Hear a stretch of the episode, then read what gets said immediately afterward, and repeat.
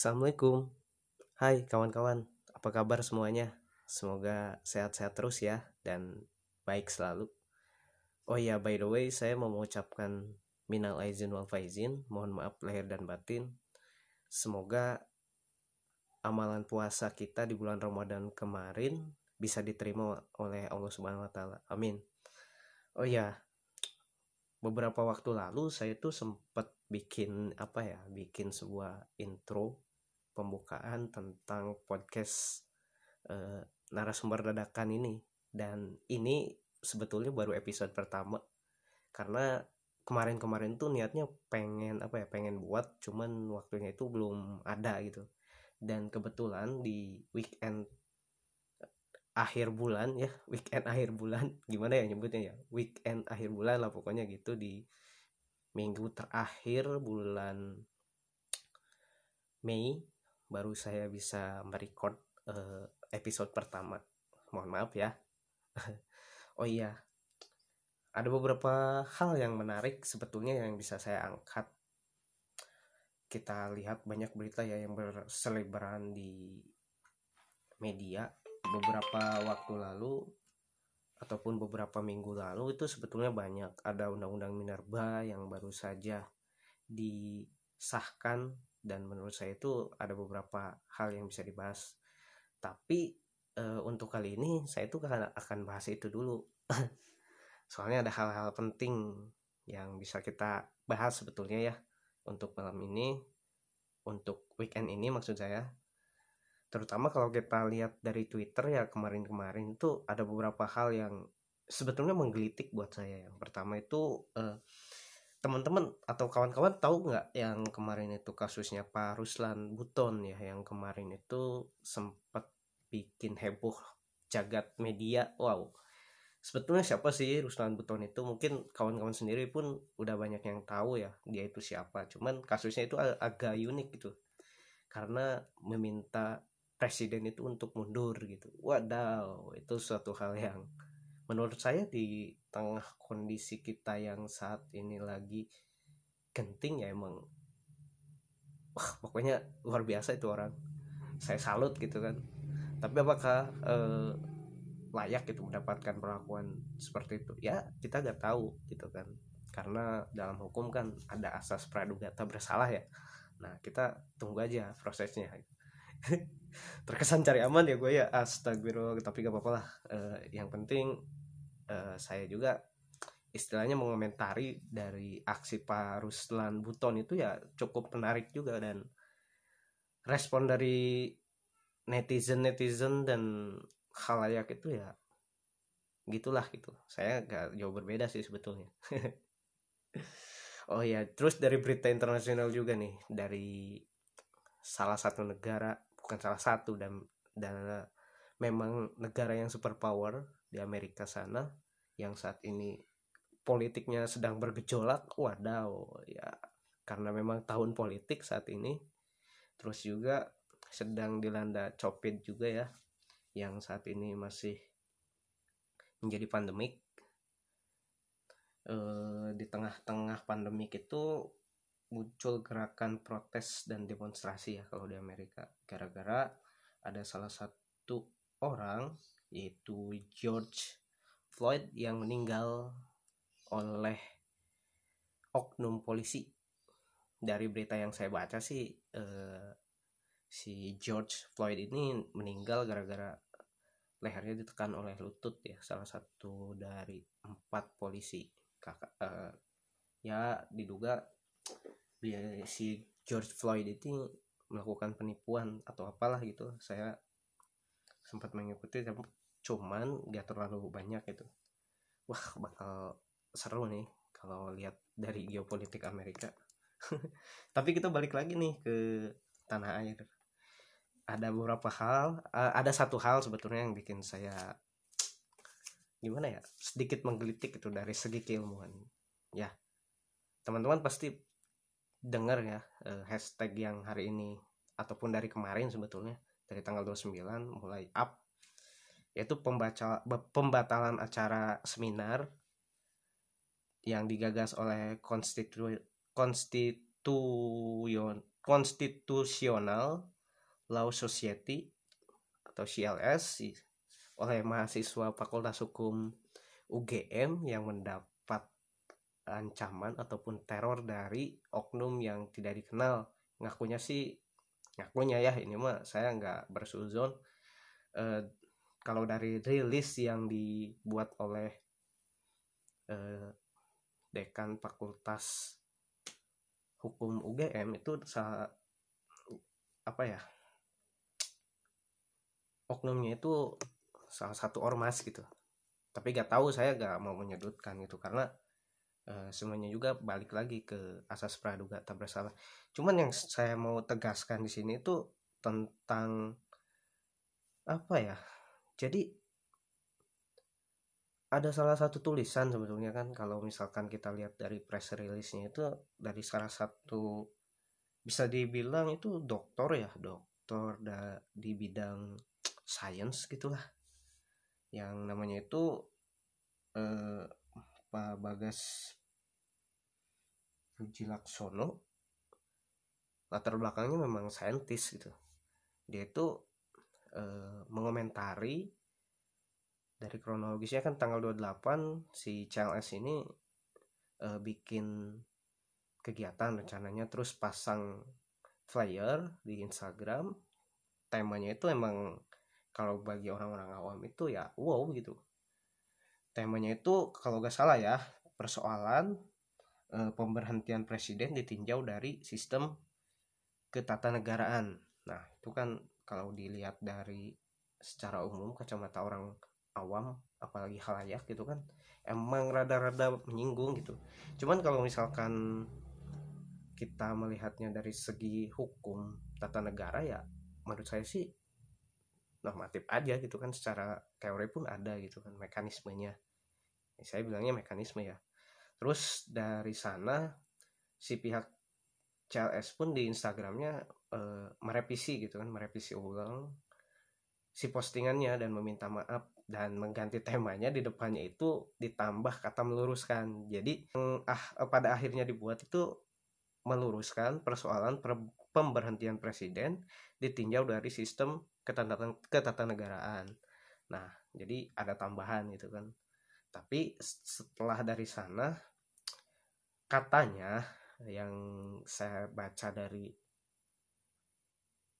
press release-nya itu terjadi teror dan aksi eh, pengancaman gitu. Wow. Ini sangat-sangat berat kalau saya dan cukup disayangkan juga gitu kan. Kenapa loh hal ini terjadi? Uh, bahkan dituliskan juga ada in apa ya ada penekanan bahwa si salah satu pengurusnya itu anggota keluarganya entah itu ibunya atau bapaknya itu ada yang menerima eh, pesan ancaman juga dari si oknum itu. Yang bilang akan membunuh si keluarga si keluarga apa ya pengurus dari CLS itu. Wow itu ini ini sangat disayangkan sekali ya. Pertama saya mau mengomentarinya itu dari segi akademisi ya kalau dari segi keilmuan gitu kan. Menurut saya ini kan hal-hal yang wajar gitu kan.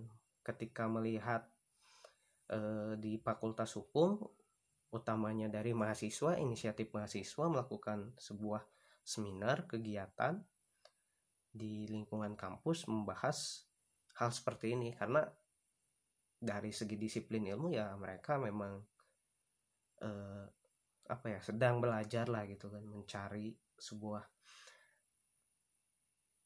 penekanan untuk eh, keilmuannya gitu.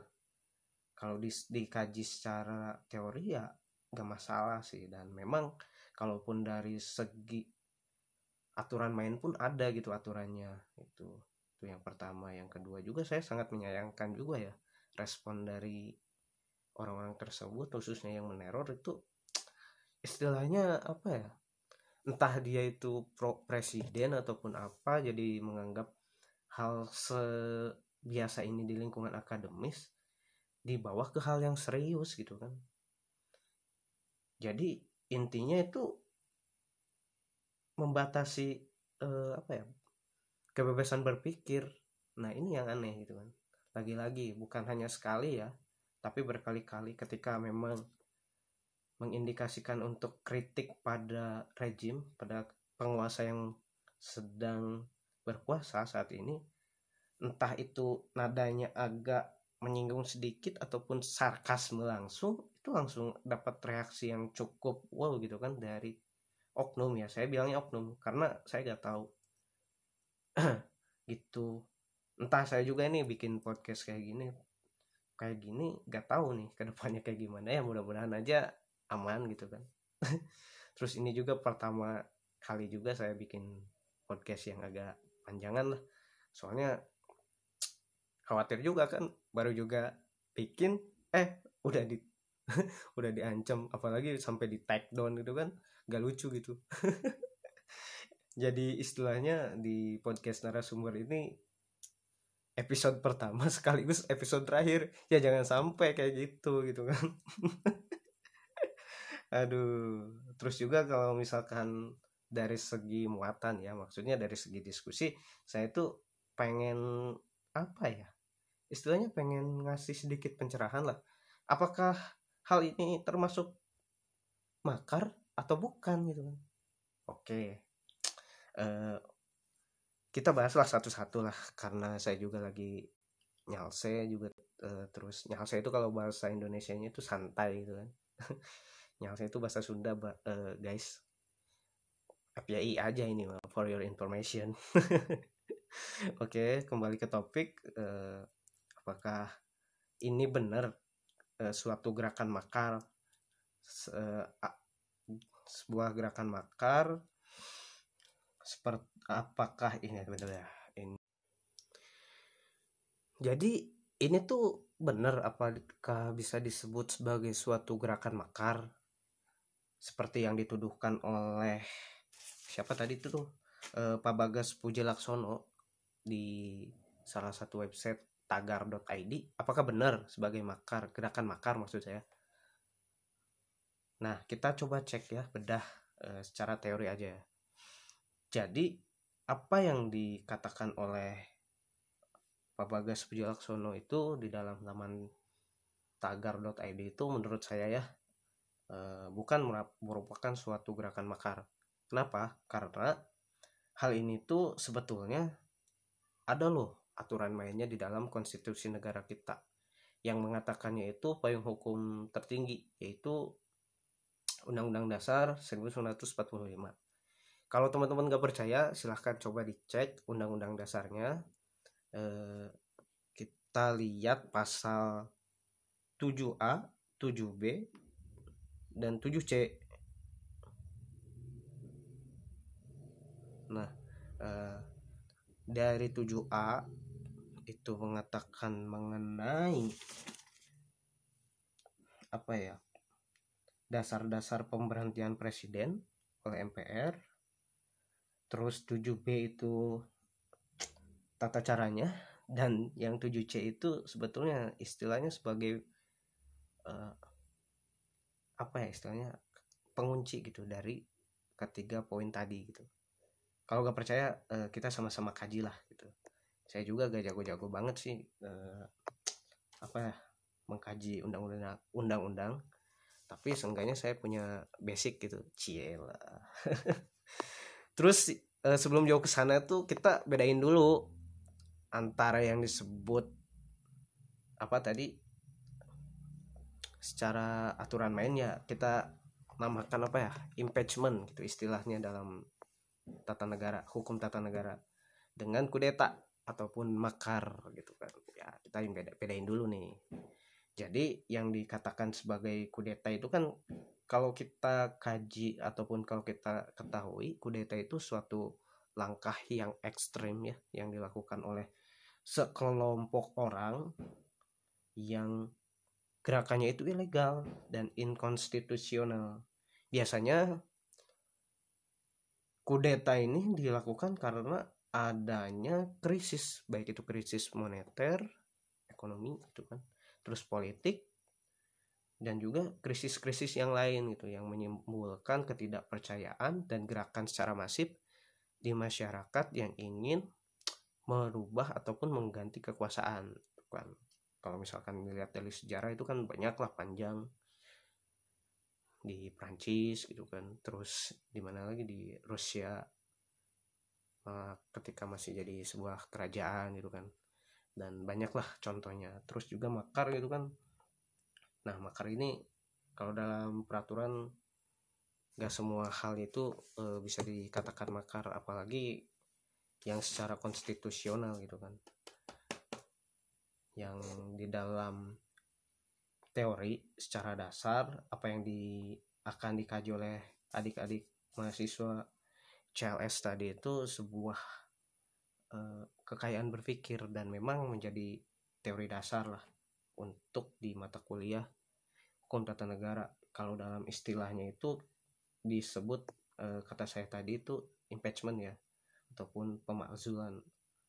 Nah secara regulasi mungkin ribet sebenarnya kalau ngebahas tentang pemakzulan ini ataupun impeachment itu.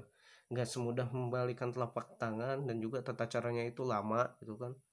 Terus juga syarat-syaratnya itu berat gitu kan. Nggak apa ya istilahnya nggak mungkin gitu dan dilakukan untuk saat ini gitu kan. Kalau menurut saya sih. Karena uh, istilahnya itu impeachment itu secara teori itu uh, apa ya, dikatakan itu sebagai wujud dari kesetaraan atau keselarasan tentang wibawa lembaga negara baik itu dari pihak eksekutif, legislatif, dan juga yudikatif. Kita ketahui kan uh, di dalam negara itu ada tiga lembaga. Kalau kita ngomongin trias politik kayak ada yang disebut legislatif yaitu pembuat undang-undang, ada eksekutif pelaksana dan juga yudikatif sebagai pengawas atau pemantau berjalannya undang-undang. Nah, untuk permasalahan tadi yang saya katakan e, untuk meluruskan persoalan tentang pemberhentian presiden itu harus melalui mekanisme tiga itu nih, e, tiga itu gitu. Kalau kita lihat dari payung hukum sendiri, apa yang dikatakan oleh pasal 7A Undang-Undang Dasar 1945 mengatakan bahwa uh, saya bacain aja ya atau kalau enggak juga teman-teman bisa buka karena bahasanya gampang lah. Oke jadi saya bacain dulu. Presiden dan atau wakil presiden dapat diberhentikan dalam masa jabatannya oleh majelis permusyawaratan rakyat atas usul Dewan Perwakilan Rakyat baik apabila terbukti telah melakukan pelanggaran hukum berupa pengkhianatan terhadap negara, korupsi, penyuapan, tindak pidana berat lainnya, atau perbuatan tercela maupun apabila terbukti tidak lagi memenuhi syarat sebagai presiden dan atau wakil presiden. Nah, itu bunyi dari pasal 7A. Ya, kita lihat lagi nih secara uh, secara umum. Jadi, kalau mau berhentiin presiden itu gak gampang mekanismenya. Harus ada yang pertama usulan dari DPR dulu nih. Nah, terus nanti ditindaklanjuti oleh MPR eh, intinya diputuskan diberhentikannya oleh MPR karena eh, untuk mekanismenya akan dibacakan di uh, akan disebutkan di pasal 7B-nya gitu kan. Terus kita lihat lagi nih untuk melakukan pemberhentian presiden itu kan ada syarat-syarat yang harus dipenuhi. Yang pertama itu apabila presiden itu terbukti melakukan pelanggaran hukum. Terus kedua itu melakukan pengkhianatan terhadap negara. Yang ketiga itu korupsi, penyuapan. Terus tindak pidana lainnya atau perbuatan tercela maupun apabila terbukti tidak lagi memenuhi syarat sebagai presiden dan wakil presiden. Nah, syarat-syaratnya itu dikatakan di pasal apa ya? Pasal 6A gitu kan bisa dilihat di pasal sebelumnya itu untuk syarat jadi presiden. Nah, kalau misalkan semua ataupun salah satu syaratnya itu ada dan bisa dibuktikan, menurut saya itu bisa-bisa aja, tinggal lihat aja gitu kan sekarang itu Pak Presiden kita apakah apa ya memenuhi salah satu syarat itu. Kalau iya ya silahkan gitu kan usulkan oleh DPR untuk dilakukan kajian gitu. Kalau enggak ya udah mau ngapain itu kan normal aja gitu. Tuh jadi kita itu gak harus apa ya gak harus skeptis lah memandang hal ini sebagai sebuah makar ataupun apa gitu karena emang ada aturannya. Kita itu ngomongin aturan main ngomongin teori gitu. Apa yang di akan dikaji oleh teman-teman dari CLS tadi ya untuk memenuhi kebutuhan dasar ilmu hukum tata negaranya gitu. Ampun dah. Suka lucu kalau saya tuh lihat orang-orang kayak gitu gitu kan dikit-dikit suka kasus dikit-dikit suka kasus. Nah tapi kan secara intinya gak terbukti gitu kan ataupun memang kajiannya itu ada sebetulnya. Tuh. Oh iya terus lagi. Kan di sini nih di pasal 7A itu ada prase gitu kan. Dan atau gitu kan. Nah dalam kamus hukum itu ngomongin dan atau itu agak apa ya? Agak ambigu gitu. Jadi maksudnya dan atau di sini tuh bisa dimaksudkan sebagai hal yang kumulatif ataupun alternatif. Maksudnya nanti kalau misalkan pemberhentian presiden di dalam pasal 7A ini bisa sepaket dengan wakil presidennya gitu kan. Ataupun hanya presidennya saja ataupun wakil presidennya saja gitu kan. Tergantung lah gitu kan tergantung dari nanti hal yang timbul itu mau kayak gimana gitu. Tapi kalau misalkan untuk sekarang ya bisa diamati lah teman-teman sendiri apakah presiden kita udah masuk ke kategori ini? Teman-teman jawab sendiri aja ya. Kalau dari saya sih ya no comment oke lanjut lanjut lanjut ke pasal 7b nya ya. Jadi di pasal 7b ini dari ayat 1 sampai ayat 7 itu kan uh, ngomongin tentang tata cara. Anjir ribet banget sebetulnya ngomongin tentang tata cara ini gitu kan yang pertama pemerintahan presiden atau wakil presiden yang harus diajukan oleh DPR gitu kan kepada MPR. Nah, eh, jadi harus ada permintaan dulu nanti dari MPR ngelakuin permintaan ke Mahkamah Konstitusi untuk memeriksa, mengadili dan memutus gitu kan. Dari eh, memutus DPR bahwa presiden atau wakil presiden tadi telah melakukan pelanggaran sebagaimana yang dikatakan oleh pasal 7A atau tidak gitu kan. Kemudian pendapat DPR tadi yang tentang presiden atau wakil presiden telah melakukan pelanggaran tersebut uh, uh, itu tuh kan sebagai salah satu fungsi dari pengawasan ya yang dipunyai oleh eh, DPR gitu kan jadi adalah gitu ada apa tugas dan fungsi dari DPR untuk melakukan pengawasan khususnya dari kinerja kepada pihak eksekutif yakni presiden gitu terus di ayat tiganya pengajuan permintaan DPR tadi kepada MK eh, dilakukan dengan sekurang-kurangnya eh, dua per tiga dari jumlah anggota DPR yang hadir dalam sidang paripurna yang dihadiri oleh sekurang-kurangnya dua per tiga dari jumlah anggota Dewan Perwakilan Rakyat.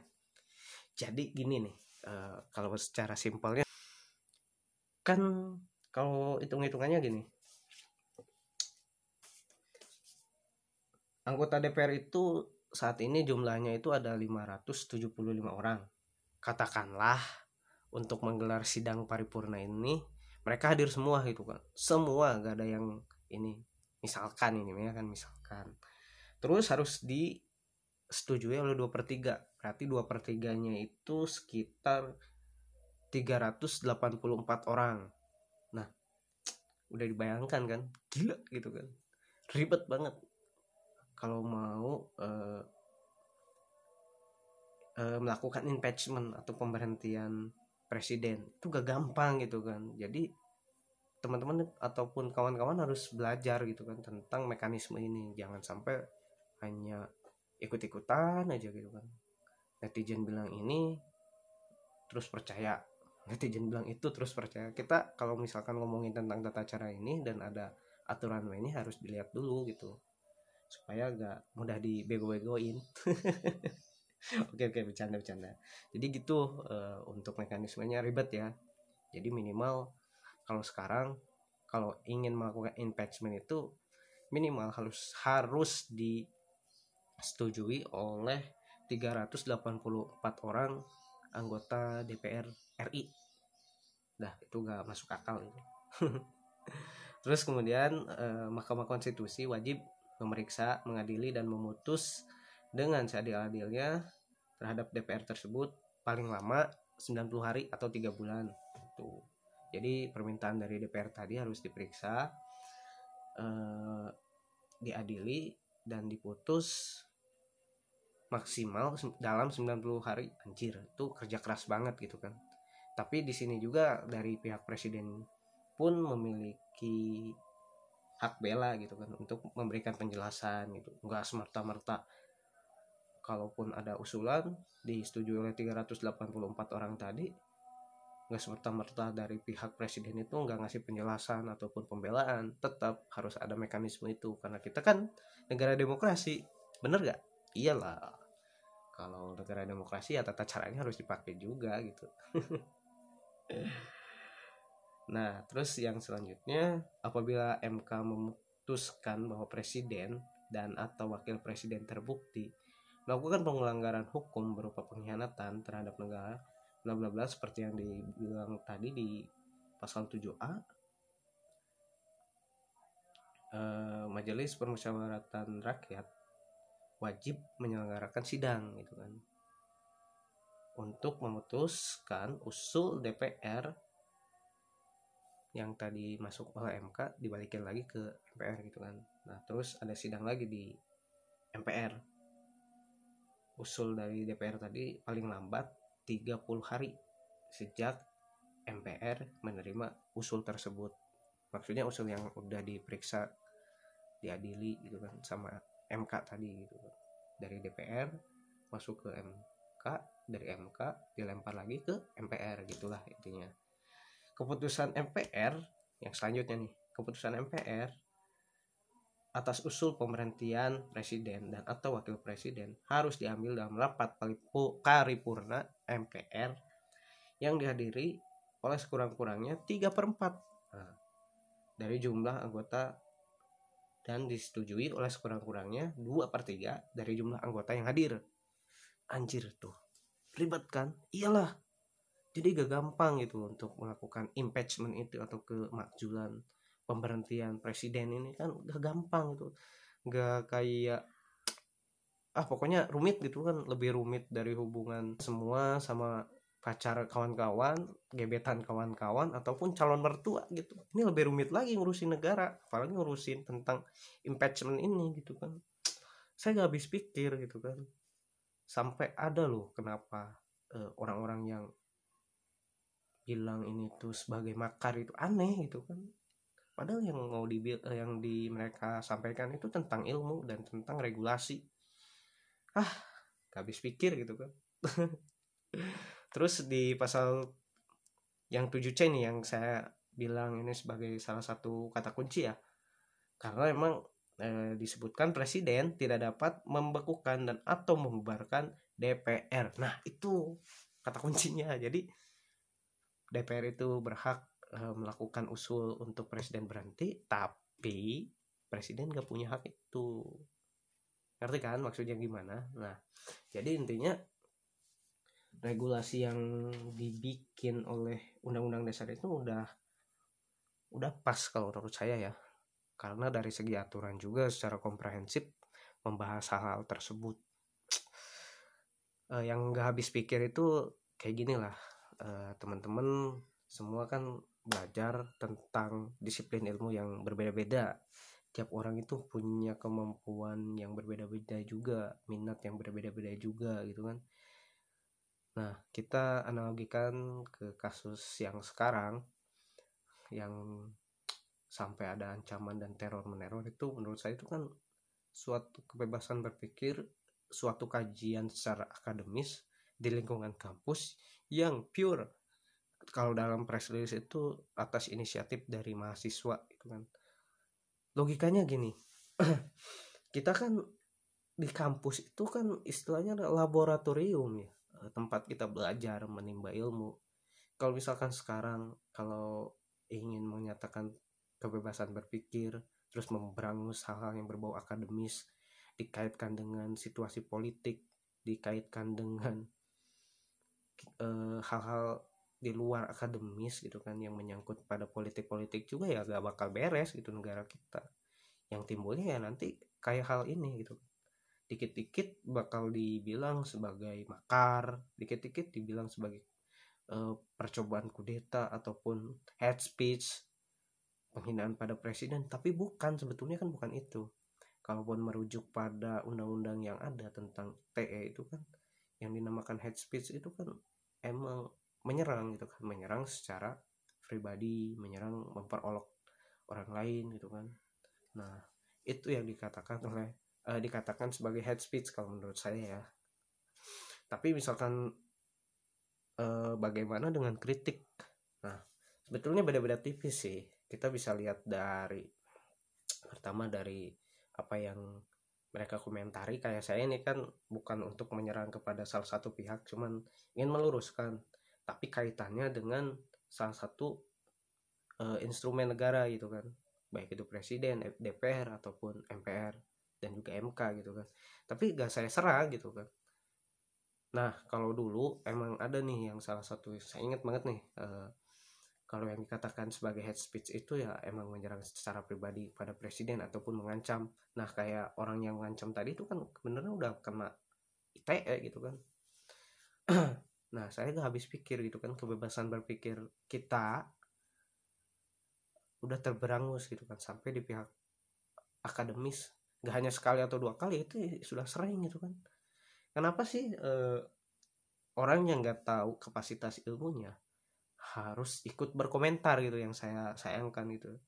Tanpa terlebih dahulu itu mencari referensi mencari pemahaman terkait tentang tata cara ataupun teori yang ada. Padahal memang ada gitu teorinya. Cuman e, dengan seenaknya itu langsung bikin sebuah statement di media gitu kan tadi e, yang bilang bahwa ini adalah suatu gerakan makar.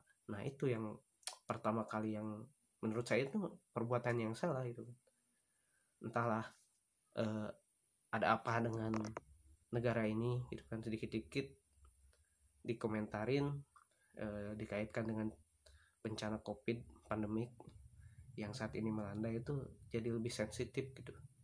Emang dulu-dulu juga sensitif tapi kalau sekarang ada nada yang berbau kritik sedikit pada pemerintah pasti langsung jadi masalah gitu kan.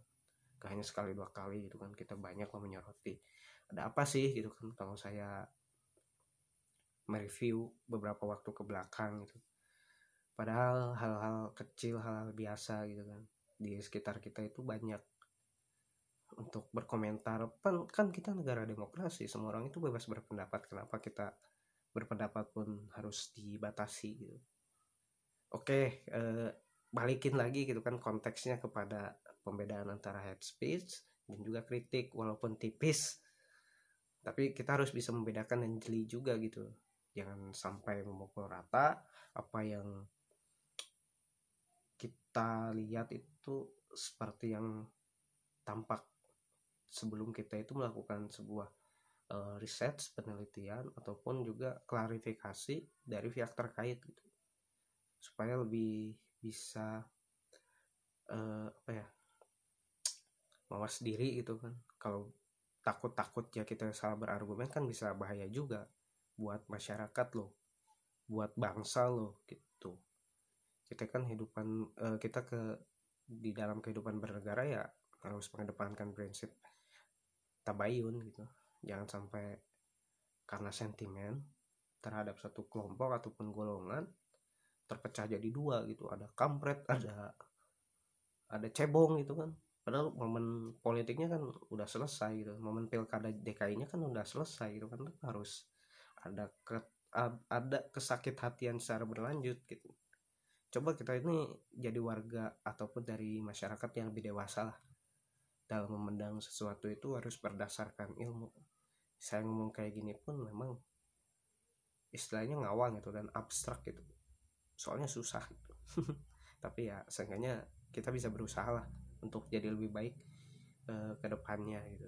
Jadi pada kesimpulannya hah, apakah benar masih berpikir yang dikatakan sama teman-teman dari Constitutional Law Society Fakultas Hukum Universitas Gajah Mada Yogyakarta itu sebagai suatu perbuatan makar kalau masih mengatakan ya mending dengerin lagi lah podcast saya. Oke gitu aja lah untuk kesempatan perdana gitu kan. Semoga ke depannya saya harap saya hanya lebih produktif dan bisa lebih meluangkan waktu untuk melakukan pembahasan eh, tentang news tentang berita-berita terkini yang terjadi terus saya komentarin dari segi keilmuan yang al kadarnya gitu kan oke okay. uh, oh ya semoga pandemik covid ini cepat berlalu walaupun saya juga agak ah, ya agak khawatir gitu kan akan berlanjut dan kita bakal hidup terus sama covid entah sampai kapan tapi semoga anggapan itu hanya sebuah anggapan saja dan prediksi itu tidak terjadi ya kita coba bahagia aja lah. Coba mengambil hikmah. Coba mengambil pelajaran dari adanya hal-hal semacam ini. Dan juga supaya kita ini lebih banyak membaca daripada pembacot gitu kan. Supaya lebih banyak ngaca daripada berbicara yang enggak enggak gitu. intinya kayak gitulah. Oke. okay. Sekian dari saya. Mohon maaf ya kalau misalkan kata-kata saya gak gampang dimengerti ataupun belepotan bahasanya karena memang perdana gitu kan.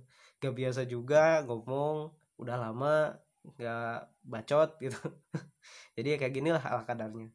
Ah, mohon maaf lah sekali lagi minal izin wal izin.